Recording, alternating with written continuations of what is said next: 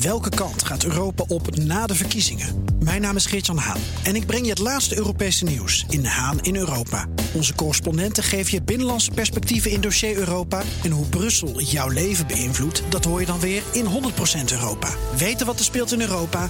Luister naar de programma's van BNR. BNR Werkverkenners wordt mede mogelijk gemaakt door BrainNet. BrainNet voor zorgeloos en professioneel personeel inhuren. BNR Nieuwsradio. Werkverkenners. Rens de Jong.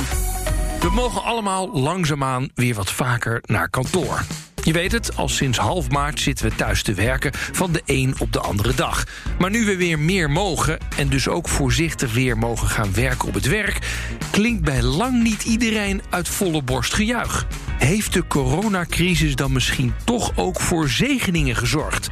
Veranderingen in onze manier van werken die we niet meer kwijt willen. Ik moet zeggen, ik had niet verwacht dat ik het ooit nog zou zeggen, maar het gefaseerd terugkeer naar kantoor is veel moeilijker, praktisch en ook psychologisch, dan eigenlijk gewoon medio maart toen van de ene dag op de andere stopte. Eh, hek genoeg. Maar leent het gemiddelde werk zich er wel voor om dan alleen nog maar thuis te zijn? Hebben we nog heel veel repeterend standaard werk waarin het klip en klaar is wat je moet doen? Nee, ik denk het niet. Maar het is toch uh, nog steeds wel de helft van je tijd. Mm -hmm. We willen ook niet met elkaar allemaal vergadertijgers zijn. En dat zien we gelukkig in die remote tijd ook wel veranderen. We vergaderen minder, we doen meer. Het is voor de meesten dan ook niet zwart-wit. Alleen nog maar thuis of volledig op de zaak? Er was een klein percentage wat aangaf wel vijf dagen thuis te willen blijven. Maar dat was geloof ik maar 4 procent. Ja, ja, oké. Okay. En waren er ook mensen die zeggen... alsjeblieft, laat me uh, gewoon weer naar kantoor komen... vijf dagen in de week? Die waren er ook, maar ook dat was minder dan 10 procent. Dus dat was ook echt een laag, uh, laag percentage. En laten we eerlijk zijn, je hoort niet alleen maar juichverhalen over het thuiswerken. Zo raken er ook steeds meer mensen uit beeld. Ik denk niet dat het zo extreem zal worden als in het onderwijssysteem... waardoor ik onlangs, onlangs las dat er nog honderden leerlingen volledig zoek zijn. het is zo, ik hoop niet dat het zo extreem uh, wordt. Hè, maar het inderdaad kwijtraken is ook een gevaar die op de loer ligt. En het lijkt op de een of andere manier toch een stuk vermoeiender. Als je natuurlijk gewoon fysiek tegenover elkaar zit of naast elkaar zit, dat is een andere energie. Maar nou ja, gaan we ook vaak van vergadering naar vergadering. En nu doen we dat digitaal. En er zijn geloof ik ook onderzoeken, heb ik ervan gelezen, over dat je hersenen dat gewoon heel anders ook tot zich nemen. Ja. Dus dat is gewoon veel vermoeiender. Maar alles tegen elkaar afgewogen leidt de conclusie toch wel dat er veel ruimte is voor verbetering en dat deze crisis het moment is om dat aan te pakken. 80% van de medewerkers in dienst zegt ik wil wat anders doen als ik mijn zekerheden zou behouden. En dat zit daarop. Dat zit op kan ik mijn potentieel benutten? Heb ik mijn autonomie? Uh, doe ik waar ik een passie voor heb en ook waar ik goed in ben? Werkverkenners. De grootste verandering sinds corona is toch wel het thuiswerken. En dat bleek voor veel meer soorten werk dan vooraf gedacht gewoon te kunnen. Ook ABN AMRO moest eraan geloven. Ik ben Marjolein Groense. Ik ben directeur Facility Management en Chief Procurement Officer bij ABN AMRO. Ik woon in Utrecht en ik werk sinds half maart thuis. Ja, uh, jullie waren er redelijk snel mee, of niet, bij ABN AMRO? Ja, dat klopt. Ja. Of in ieder geval redelijk snel met 50-50. Dat de helft van ons thuis ging werken. En uh, dat was ook om de bedrijfscontinuïteit te waarborgen. En, uh, en eigenlijk binnen twee weken is het ons gelukt om eigenlijk het hele bedrijf ja, remote vanuit huis te laten werken. En waarom werkt u met die 50-50, dat A- en B-team? Ja, dat is toch wel omdat de bankaire sector als een vitale functie wordt gezien. En dat had echt te maken met besmettingsgevaar. Dus, dus dat je ja, de helft van je team op kantoor wilt hebben. Dus dat niet als er één iemand ziek is, dat je een heel team naar huis moet sturen. Ja. Dat had daarmee te maken. Zijn er dingen die in het thuiswerken eigenlijk beter gaan dan op kantoor? Ja, dat gefocust werken gaat dus echt wel beter. En ik denk dat er ook veel over kantoortuinen al geschreven is. Je wordt toch vaak afgeleid gedurende je werk.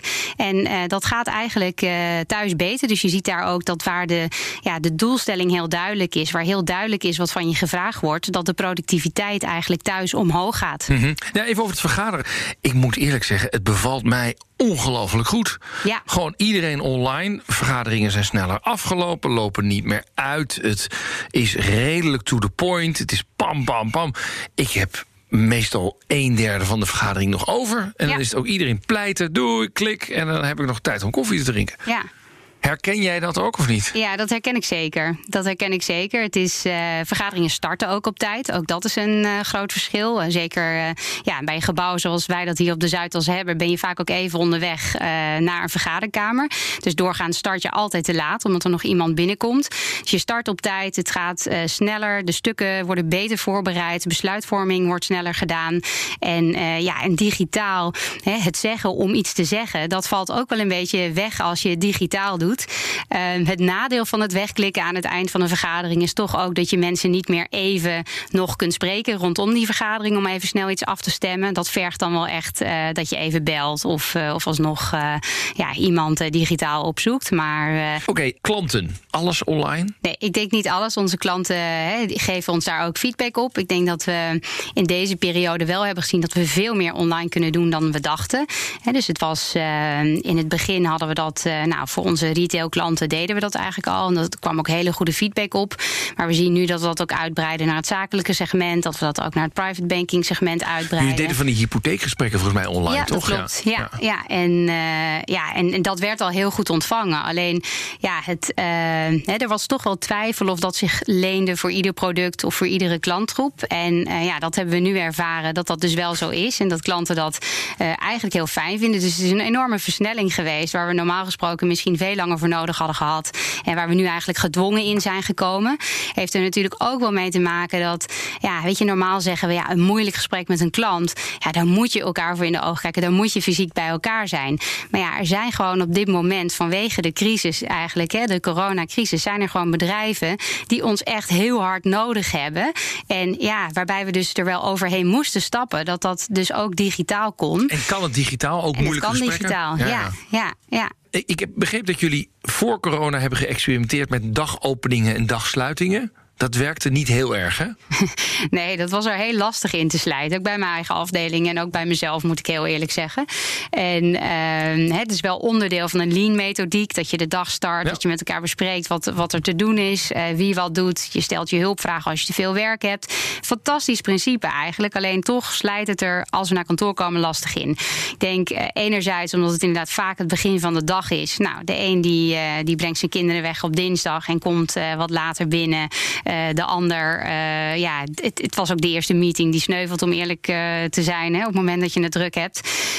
maar wat we nu zien is, omdat we niet op kantoor zijn en elkaar dus ook niet zien en tegenkomen, dat eigenlijk die dagstarts of dagsluitingen, weekstarts heel goed bezocht worden. En dat we eigenlijk meer van elkaar weten waar we mee bezig zijn oh ja. dan daarvoor. Net hoorden we Dennis van Allermeers al zeggen dat het terugkeren naar kantoor zwaarder valt ook al is het stapsgewijs, dan in één klap volledig thuis te moeten werken. En dat geldt niet alleen voor hemzelf. Zag hij in zijn eigen onderzoek. Dennis van Allemeers, werkzaam binnen DPG Media, daar verantwoordelijk voor DPG Recruitment, uh, waar onder andere intermediair onder valt, work-life platform voor hoogopgeleiden en uh, nationale vacaturebanken, wat dat de populairste vacaturesite is van Nederland. En uh, is er nog een volle vacaturebank of is alles weggeslagen qua banen? Ja, niet alles is weggeslagen, maar sinds het begin van het jaar hè, is ongeveer het aantal banenaanbod met meer dan een derde gedaald. Hè. Dus, dus uh, qua nieuwe vacatures. Dus het is wel een enorme slag uh, geweest. Ja, zie je het alweer aantrekken in de afgelopen weken of is dat al nog te vroeg? Uh, het is gestabiliseerd. Mm -hmm. het trekt langzaam aan.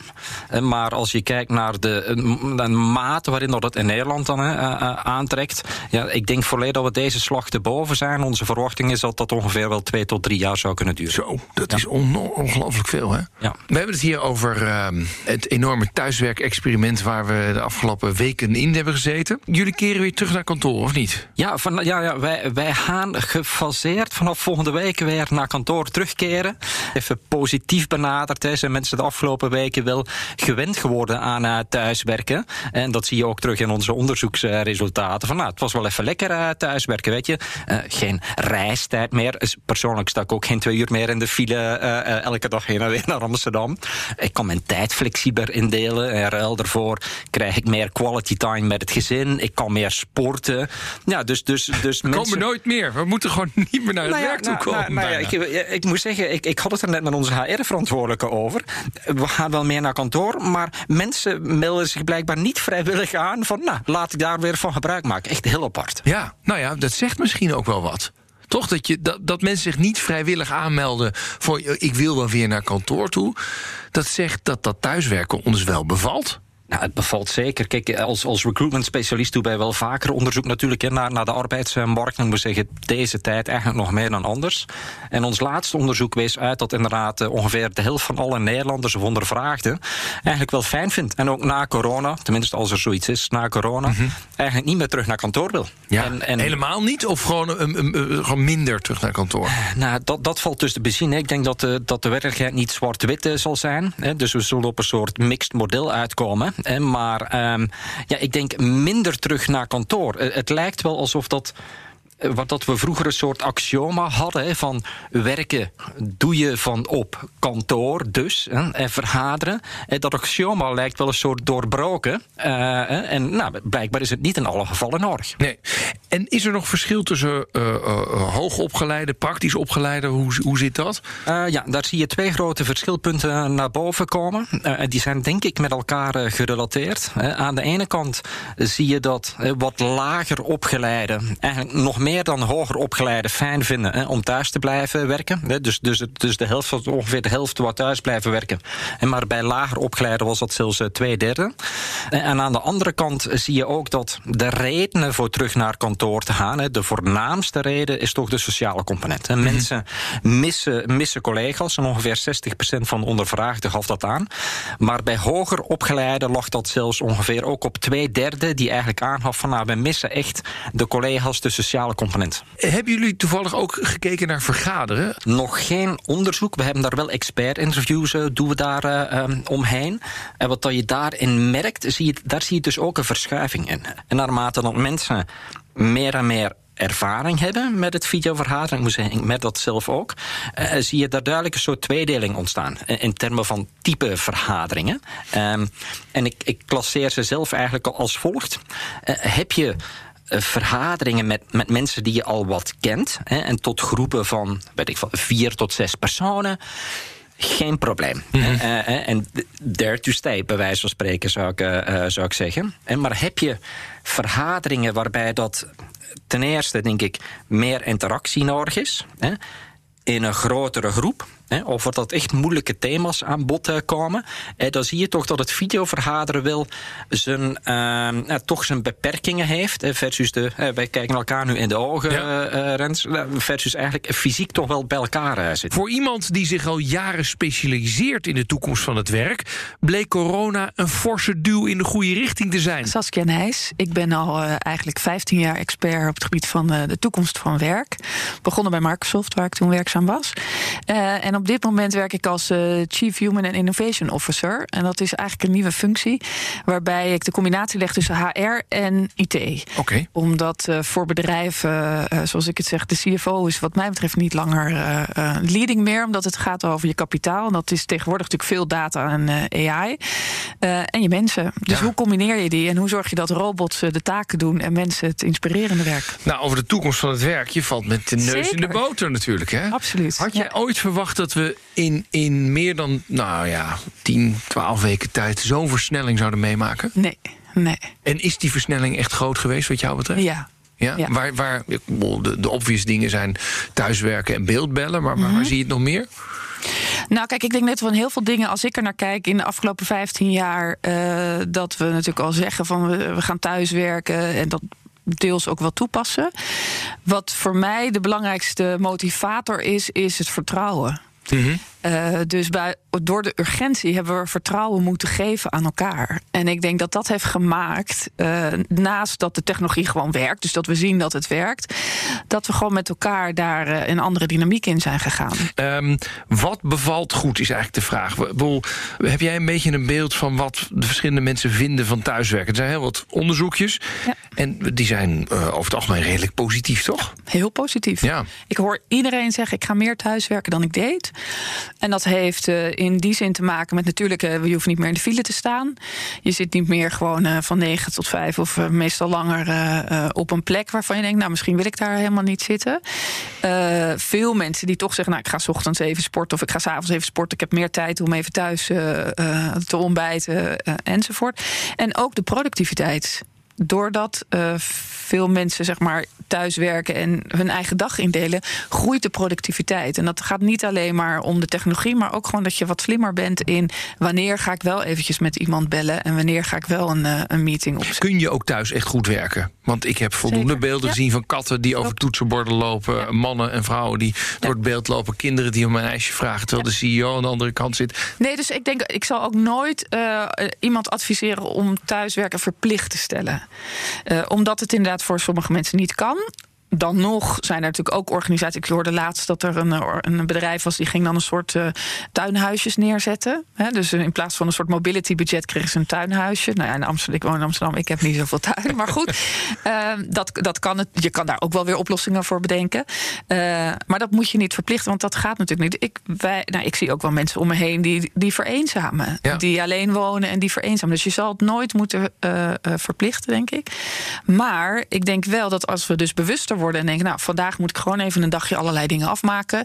Ik blijf thuis en ik ga dat vandaag een dagje doen. Maar morgen wil ik gewoon weer die reuring om me heen. Of ik wil mensen ontmoeten. Of ik heb veel. eh, dat slimmer werken. Ik denk dat we dat allemaal nu wel heel hard aan het oefenen zijn.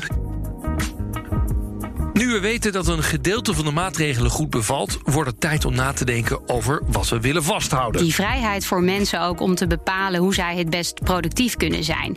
En, ehm, en ja, dat zit hem dus niet in de aanwezigheidsplicht op kantoor of op je, hè, hoeveel je op kantoor aanwezig bent. Maar dat zit heel erg in de output die jij kunt genereren.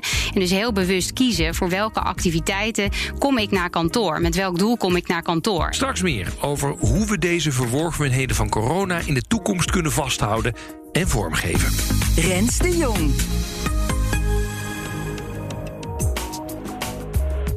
Om te weten hoe de huidige coronamaatregelen in de toekomst kunnen zorgen voor beter of prettiger werken, moeten we eerst weten wat nou precies de grote voordelen zijn. En natuurlijk de eventuele nadelen.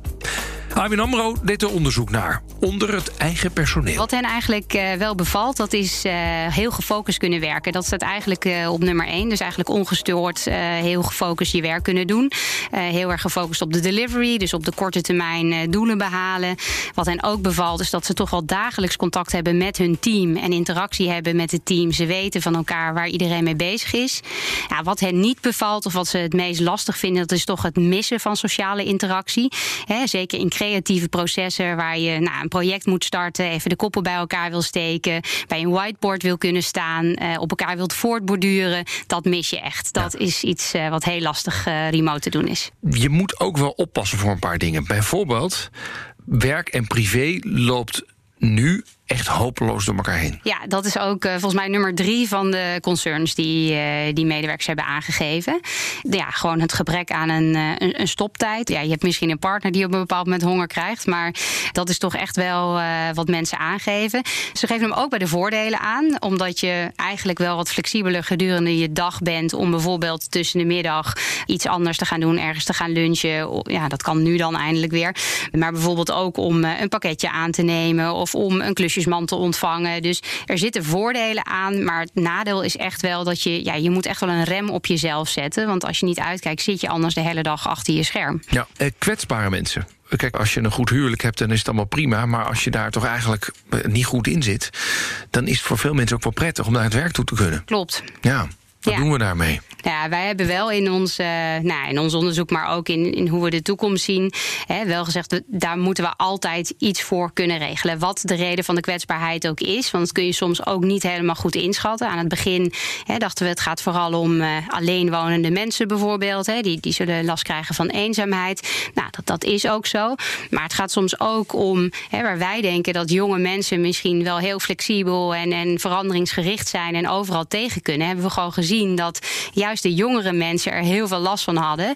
En soms ook qua huisvesting eh, ook niet de faciliteiten kunnen regelen om goed te kunnen werken. En ja, daar kan je schermen uitlenen of je kunt bureaustoelen uitlenen. Maar als je in een klein appartement woont en jijzelf en je partner ook thuis werken, ja, dan hebben ze daar eigenlijk niets aan, omdat ze gewoon geen ruimte in het huis hebben om te kunnen inrichten als goede werkplek. Dus ja, die kwetsbare groepen, die, die, die is eigenlijk groter dan wij wij hadden gedacht. Om de goede balans tussen werk en privé te vinden, kunnen we het beste naar de freelancers en ZZP'ers kijken. Die mensen eh, die, die weten dat werk en privé vaak in elkaar overlopen. Mhm. Dus als jij als eh, werknemer ook meer van thuis gaat eh, werken, maar die zullen met dezelfde uitdaging geconfronteerd Ja, gaan en worden. dat, en dat is wel, kan ik als ZZP'er wel zeggen. Het is absoluut zalig eh, om je eigen tijd in te delen en overal te kunnen werken, et cetera. Maar er is wel, het, het is nooit af. En die, die grens van nu stopt het werk, Ja. de- die, die is heel blurry. Ja, en dus en precies. En de mensen met een, nu met een, een baan, hè, die worden hier dus nu ook mee geconfronteerd. Kijk, Ja. eh, ongeveer 60%, 61% gaf aan van, nou, die flexibiliteit qua tijdsindeling is super.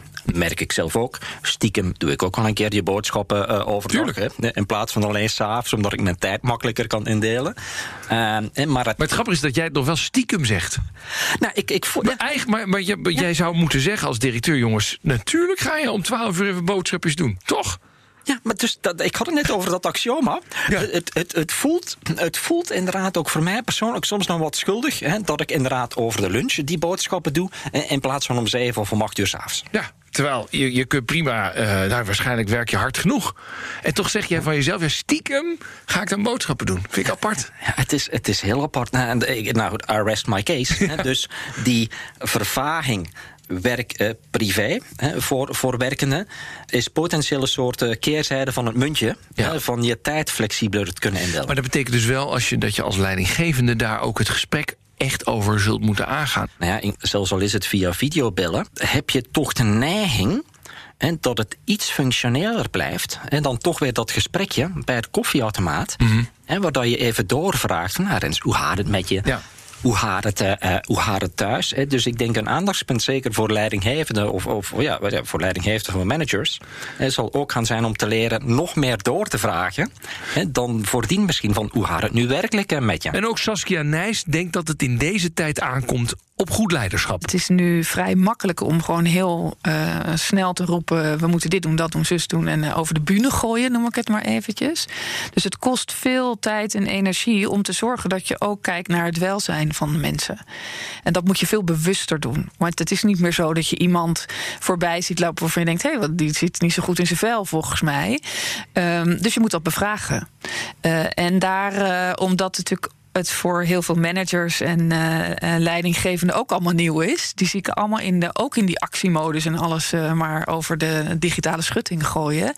Dat ze dat stukje vergeten. En daardoor zie je ook dus wel mensen ongelukkiger worden. En zou mijn zorg zeker ook na, als we nou, nu weer een beetje aan het ontspannen zijn, dat er ook nog wel nou, redelijk wat burn-outs ontstaan. Omdat we zoveel echt acties op ons af hebben gekregen. Ja, ja. En ik, wil, ik, ik zit net even vergelijk te maken. Je hebt op scholen waren de kinderen soms verdwenen. Hè? Ik kan me ook voorstellen dat werknemers een beetje verdwijnen. Ja, zeker. Toch? Zeker. Ja, en als je ook in bijvoorbeeld in de, in de technologieomgeving heb je natuurlijk best wel veel mensen, ook uit andere landen, die hier naartoe komen om hier te werken. Eh, en daar zien we echt wel mensen inderdaad eh, verpieteren in een kamertje alleen ergens. Maar daar moet je dus wel heel veel aandacht aan geven. Ja. Ja, dus ook is dat, dus dat kantoor krijgt een andere functie. Dat kantoor krijgt echt een ontmoetingsfunctie. Ja. Dat kantoor krijgt een creatieve functie. Ja. En alle werkpaardgerelateerde dingen waar je wil concentreren. Waar we eigenlijk al gek van werden dat we daar kantoortuinen voor hadden ingericht. Ja, zouden we ergens anders kunnen doen. Ja. Ja. Ja, dus die kantoortuinen, dat was natuurlijk al voor de corona een grote discussie. Er waren allerlei onderzoeken dat mensen dat niet vonden werken. Maar dat kwam omdat dat natuurlijk, ja, daar gingen we ons gewone werk zitten doen in een tuin waar het natuurlijk herrie was. En wat gewoon niet werkte. Oké, het hangt natuurlijk af van het type werk. Maar over het algemeen zijn we enthousiast over het thuiswerken en videovergaderen. En we weten na maandenlang oefenen ook wel ongeveer waar we op moeten letten om het zo goed mogelijk te laten verlopen. Ja, hoe gaan we er nou voor zorgen dat we deze positieve veranderingen door deze crisis ook echt vasthouden? Neem bijvoorbeeld het vergaderen. Nou, dat werkt dus niet als een deel op kantoor zit bij elkaar en een gedeelte op afstand inbelt.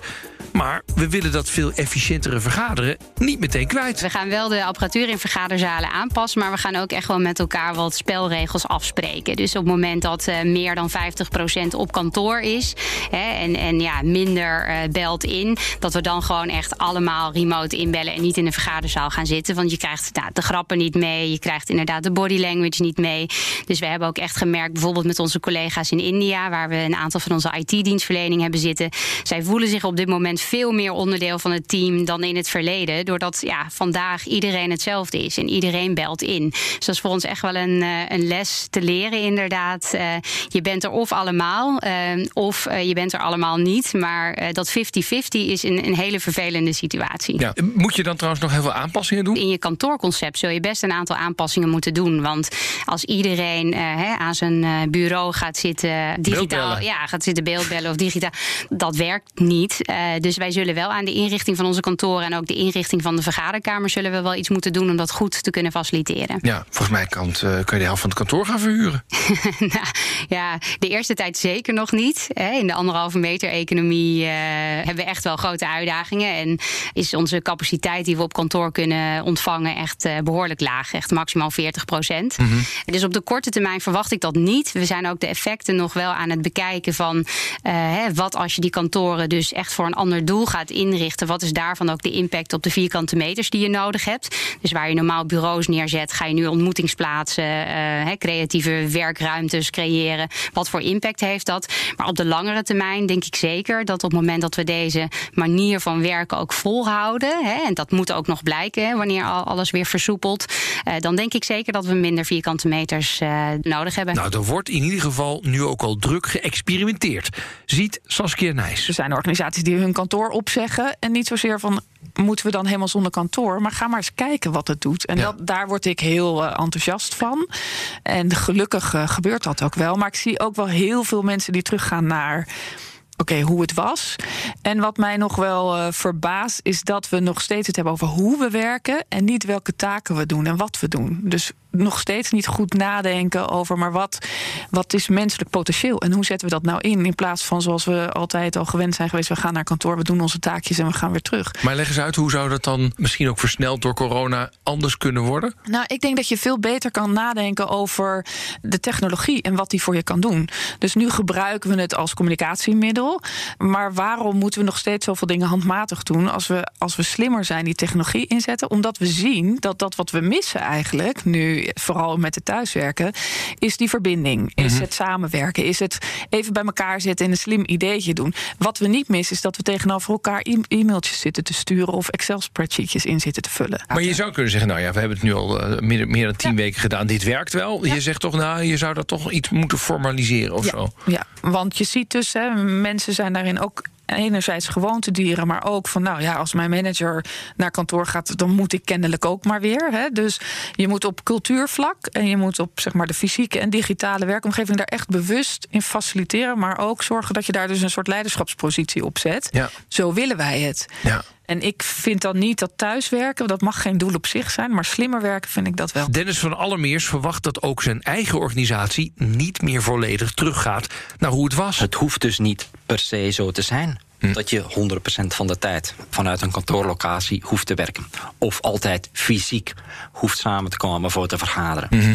Dus, dus voor mij is dat wel het grote voordeel van de afgelopen periode. Ja. Dat, dat, dat, dat dat dus gaat veranderen. Maar goed, hoe zorg je ervoor bij jullie dat je het goede behoudt? Want voordat je het weet gaat iedereen weer in oud gedrag.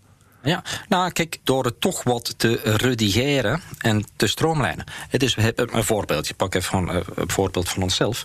Dus we hebben gezegd van, nou, en we hebben ook net opgehaald bij onze collega's van, nou weet je waarvoor mis je nu het meeste uh, het, het, kantoor. Natuurlijk inderdaad de sociale component. En, maar wij hebben bijvoorbeeld ook gezien dat het individueel werken inderdaad prima van thuis kan. En daarom hebben we gezegd, oké, okay, we gaan wel terug naar kantoor. Maar we gaan terug naar kantoor primair voor te gaan vergaderen. Mhm. Mm -hmm. En met name voor de grotere vergaderingen, de wat moeilijke vergaderingen. Dus dat is het primaire, primaire doel. Niet per se om, nou ik werk thuis, dan laat ik nu eventjes vanaf kantoor uh, weer gaan, gaan werken. Conclusie, het bevalt goed om meer zelf je tijd in te kunnen delen. Tussendoor even te kunnen sporten of stiekem te doen. En we kunnen veel geconcentreerder werken dan in die drukke kantoortuin. Tegelijkertijd is het nog lastiger geworden om werk en privé te scheiden. Voelt het voor sommigen wat eenzaam, maken anderen elkaar helemaal gek... doordat de keuken slash woonkamer slash slaapkamer...